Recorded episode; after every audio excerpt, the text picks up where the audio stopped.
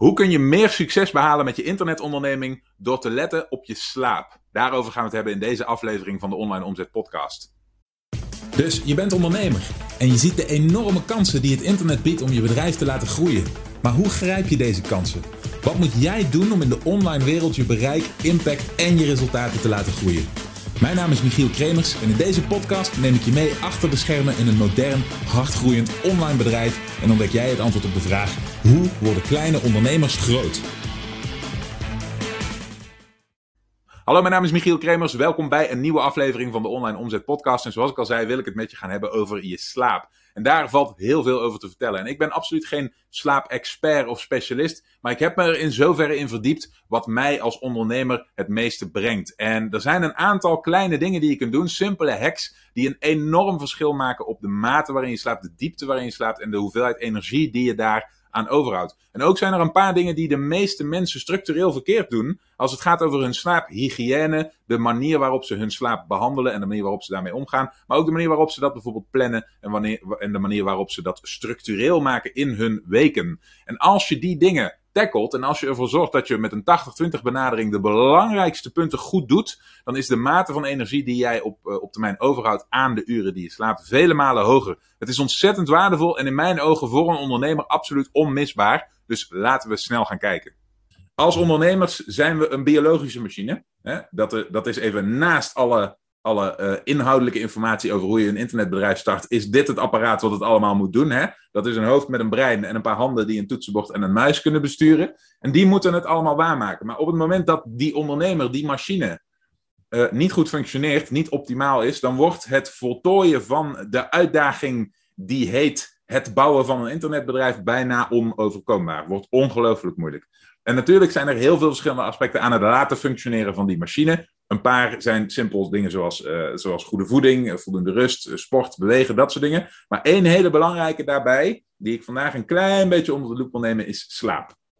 Oké, slaap is al heel lang een thema in mijn eigen leven. Ik ben een soort, een soort van uh, self-made expert op dat gebied, als ik mezelf zo mag noemen. Omdat ik mijn hele leven lang met flinke slaapproblemen heb geworsteld. En zoals met alles heb ik me daarin vastgebeten en heb ik een halve studie op losgelaten. En nou is het niet zo dat ik dat nu allemaal naar je bedweterig naar je hoofd wil lopen gooien, alsof uh, je dat van me aan moet nemen. Maar er zijn een paar dingen die ik terug hoor komen in de wereld van ondernemerschap, die volgens mij een, uh, een negatief effect hebben op hoe mensen presteren in hun eigen ondernemingen. En één heel erg belangrijk punt daarvan, super simpel inkoppertje, is de hoeveelheid slaap die mensen denken nodig te hebben. Oké? De recente, re, afgelopen jaren is in alle slaapstudies steeds duidelijker naar voren gekomen dat de aanname die mensen vroeger maakten over het aantal uren slaap die ze minimaal nodig dachten te hebben, niet blijkt te kloppen. Heel lang is geroepen, ook mijn hele leven lang, is dat je met een uurtje of zes wel toe kon komen. De realiteit is dat dat niet klopt. De realiteit is dat, nogmaals, er is natuurlijk een individuele factor. Hè? Ieder mens is een beetje anders. Maar uh, voor de meeste mensen, globaal gezien, geldt dat het niet zes, maar minimaal 8 uur slaap is. 8 tot 8,5 die je nodig hebt. Oké, En daar zitten de mensen een beetje tussen. Dus tussen de 7 à 8, 8,5 uur is wat de meeste mensen gemiddeld nodig hebben. Maar wat heel veel mensen zich niet realiseren, is dat als je een nacht slaapt, zeg dat je het heel goed doet, zeg dat je 7 uur, 7,5 uur, 8 uur slaap hebt gehad. Hè? Vanaf het moment dat je ogen echt dicht gaan tot het moment dat je wekker gaat en je ochtends je ogen weer open doet. Uh, wat heel veel mensen zich niet realiseren, is dat gedurende die uh, die slaapperiode, dat dat niet op één vast stramien is waarin die slaap verloopt. We weten allemaal dat het verloopt in cycli, hè? maar wat niet altijd duidelijk wordt bij iedereen is dat die cycli aan het begin van de nacht, in het midden van de nacht, aan het eind van de nacht andere dingen doen. Oké? We hebben allemaal wel gehoord van remslaap, misschien hebben sommigen van jullie ook wel gehoord. Uh, van lichte slaap en diepe slaap. Maar wat de meeste mensen, voor zover ik weet, niet weten, is dat aan het begin van de nacht, op het moment dat jij net in slaap bent gevallen, de eerste twee cycli, de cycli zijn waarin je het meest gevoelig bent voor het geraken in diepe slaap. En diepe slaap betekent dat de processen in je lijf op gang komen die voor fysiek herstel zorgen.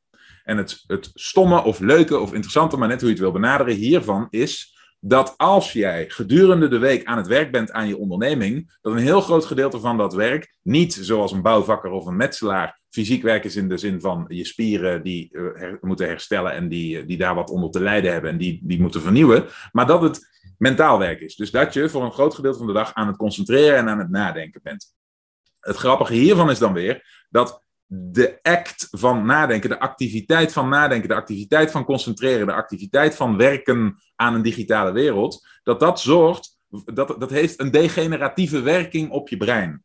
En in die eerste twee cycli waarin je gevoelig bent voor diepe slaap, is dat stukje, zeg maar even, schade die je op hebt gelopen gedurende de dag, hetgene wat aangepakt wordt. En daarom zie je dat mensen die de eerste uren nadat ze in slaap zijn gevallen, onderbroken worden in hun slaap, door, voor wat, door wat voor reden dan ook. Hè? Dat kan van alles zijn. Je kunt, het kan zijn dat je in een onrustige omgeving woont. Het kan zijn dat je een partner hebt die je misschien wakker houdt, of een huisdier, of iets anders. Maar de mensen die in die eerste, zeg maar, dat eerste uur, eerste twee uur van hun slaap onderbroken neigen te worden, oké, die, hebben een veel, die leveren een veel groter stukje ehm, van hun mentale werking in gedurende hun werkweek. En als dat structureel terugkeert, dan betaal je daar een hoge prijs voor als jouw werk te maken heeft met je brein. En omdat ons werk allemaal te maken heeft met ons brein, moeten wij dat actief gaan bewaken in onze slaap. Dus de volgende keer dat je Ehm, dat je gaat nadenken over je slaaproutines. En de volgende keer dat je gaat beslissen hoe laat je naar bed gaat en hoe laat je opstaat en wat jouw slaaphygiëne routine wordt. Dan is een van de dingen die ik wil dat je die heel serieus gaat nemen vanaf nu, is hoe waarborg ik de eerste 2, 2,5 uur van mijn nacht? Hoe zorg ik ervoor dat die zo goed mogelijk zijn? Hoe vroeger op de avond die plaats kunnen vinden, hoe beter. Uh, nogmaals, daar zijn wat verschillende theorieën over. Dat, dat is voor de een een andere tijdstip dan de ander. Maar vooral, hoe zorg ik ervoor dat er geen enkele kans is dat dat onderbroken wordt, dat ik daar weer uitkom? Oké? Dat is de gemakkelijkste stap die je kunt zetten om ervoor te zorgen dat je rust, dat je slaapt, dat je, je, je het heropladen van je batterij zo succesvol mogelijk gebeurt. En als die eerste uren lukken, oké, dan is de kans dat daarna de rest van je nacht beter verloopt groter omdat doordat je een paar diepe slaapcycli hebt gehad, de, uh, je lichaam de neiging heeft minder cycli te maken. En dat is het. Dat is een beetje contra-intuïtief, maar wat we normaal gesproken doen is als die eerste paar cycli niet lukken, als we niet meteen in die diepe slaap weten te komen in die eerste paar cycli, dan moet om dat te compenseren, daarna lukt je lijf dat vaak niet meer, en om dat te compenseren moet je meerdere slaapcycli gaan maken. die zijn dan allemaal minder diep, maar allemaal bij elkaar opgeteld leveren die allemaal hun bijdrage aan het opladen van die batterij. Dus als die eerste twee cycli mislukken, zie je vaak, hè, als mensen daar wakker worden of ze worden onderbroken, zie je vaak in slaapdiagrammen, zie je vaak dat ze uiteindelijk veel meer cycli gaan maken, omdat het lijf aan het proberen is om alsnog dat te corrigeren. Um, belangrijk punt hierbij is dat op het moment dat je uh, in die eerste cycli uh, zeg maar, risico's hebt gelopen, moet je ervoor zorgen dat de aantallen keren dat je wakker wordt in de nacht tot een minimum beperkt wordt. En een van de manieren die ik daar zelf voor gebruik, is, um, een, ja, dat is een, een, beetje, misschien een beetje zweverig, maar dat is een um, white noise systeem. En een white noise systeem, dat is voor iedereen wat anders. Je hebt mensen die daar daadwerkelijk een apparaat voor kopen wat, wat white noise maakt. Voor mij geldt dat ik een slaapmasker draag met platte speakertjes op mijn oren. En daarop zet ik een geluid op. En dat kan een, een, narrator zijn, of een audioboek, of een geluid, of, of zachte muziek, of wat het dan ook is. Maar daar gaat het niet om. Het gaat niet om mijn persoonlijke voorkeur van waar je naar luistert. Waar het om gaat is dat wat er gebeurt, is dat aan het einde van elke slaapcyclus komen we als het ware boven water.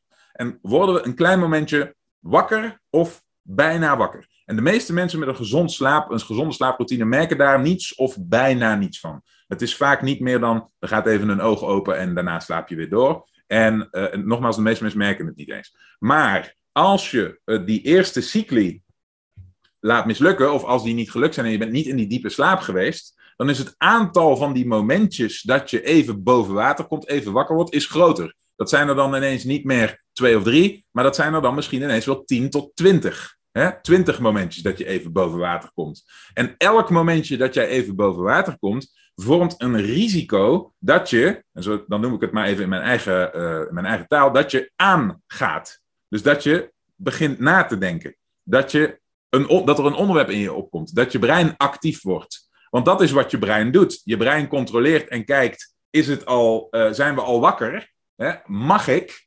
En zodra het antwoord daarop ja is, dan gaat hij aan. En dit vormt voor heel veel mensen een groot risico op hun nachtrust. Want dan duurt in het gunstigste geval duurt het alleen wat langer voordat je weer in slaap komt. Maar verlies je daardoor dus actief slaapuren. En in het minst gunstige geval word je helemaal wakker en kun je niet meer slapen. Dus dat is een groot risico. Nou, dat is het, het white noise principe. Dat zorgt ervoor dat je bij wijze van spreken op het moment dat je boven water komt, niet de kans krijgt om aan te gaan. Niet de kans krijgt om je brein te laten denken we mogen. Omdat white noise, noise en geluid, monotone geluiden, spraak, uh, zachte muziek, uh, van die zeegeluiden, dat soort dingen. Die zorgen ervoor dat je bij wijze van spreken weer hup, ondergeduwd wordt. Omdat je niet de ruimte krijgt voor de stem in je hoofd. Voor de, ja, god, er is een naam voor die stem, die, ben ik nu even, die is me nu even ontschoten. Maar het actieve gedachte geluid krijgt geen ruimte, want moet concurreren met het white noise. Oké? Dat is waarom deze aanpak erg goed werkt. Dus als je nou zeg maar een, een 80-20 benadering wil voor het hacken van je slaap, dan zijn deze twee dingen heel belangrijk. Ten eerste ervoor zorgen dat je het begin van je nacht bewaakt, echt heel streng bewaakt. Oké? Dus op het gebied van licht, op het gebied van geluid om je heen, op het gebied van verstoringen, al dat soort dingen. Temperatuur, alles, alles wat, je, wat je kunt controleren, moet je proberen te controleren. En het volgende punt is ervoor zorgen dat als jij momenten wakker wordt gedurende je slaap, dat de kans dat je daarop aangaat minimaal wordt. En één manier om dat te doen is dus deze white noise. Hè, ervoor zorgen dat je niet uh, dat, dat, je, dat je je brein moet concurreren met de white noise. En de white noise zorgt ervoor dat de kans dat je aangaat kleiner wordt. Oké, het is even twee belangrijke punten die ik vandaag wilde aanstippen. Oké, zoals je ziet is niet alleen wat je letterlijk uitvoert in je bedrijf van belang bij het slagen of niet slagen ervan. Dingen als hoe je je leven leidt, hoe je omgaat met jezelf als machine, als biologische machine, als de drijvende kracht achter je bedrijf. Hoe je zorgt voor je eigen gezondheid, hoe je zorgt voor, zoals vandaag, je eigen slaap. Maar ook dingen als sport, bewegen en dat soort dingen. Ontspanning, je welzijn. Allemaal hebben ze hun weerga op de mate van succes die je bereikt met je online onderneming. Logisch natuurlijk, maar toch zie ik dat heel veel ondernemers er moeite mee hebben om hier op een fatsoenlijke manier vorm aan te geven. En ook dat is een van de dingen die we tackelen in mijn begeleidingsprogramma's. Dus als je bij jezelf denkt, hey, als, ik, uh, uh, als je bij jezelf denkt, hey, hier heb ik moeite mee, dit is iets waar ik nog wel wat hulp bij kan gebruiken. Ik doe dit nog niet goed of in voldoende mate. Ik merk dat ik roofbouw pleeg op mijn eigen lichaam. Ik merk dat mijn energie niet is wat die zou moeten zijn. Ik voel me overwerkt. Ik merk dat ik er ongezonder door word. Dan is dit misschien een punt waarop je wat hulp kan gebruiken. Ga in dat geval naar onlineomzet.com slash interesse en kijken we wat we voor elkaar kunnen betekenen. Ik zie je in ieder geval heel graag terug in de volgende aflevering. Bedankt voor het luisteren. Heb je iets aan deze aflevering gehad of heb je een vraag? Laat het me weten via de comments. En vergeet niet te abonneren. Dan blijf je op de hoogte van alle tips en strategieën waarmee jij als moderne ondernemer groot kunt worden. Voor een overzicht van alle afleveringen ga je naar onlineomzet.com/podcast.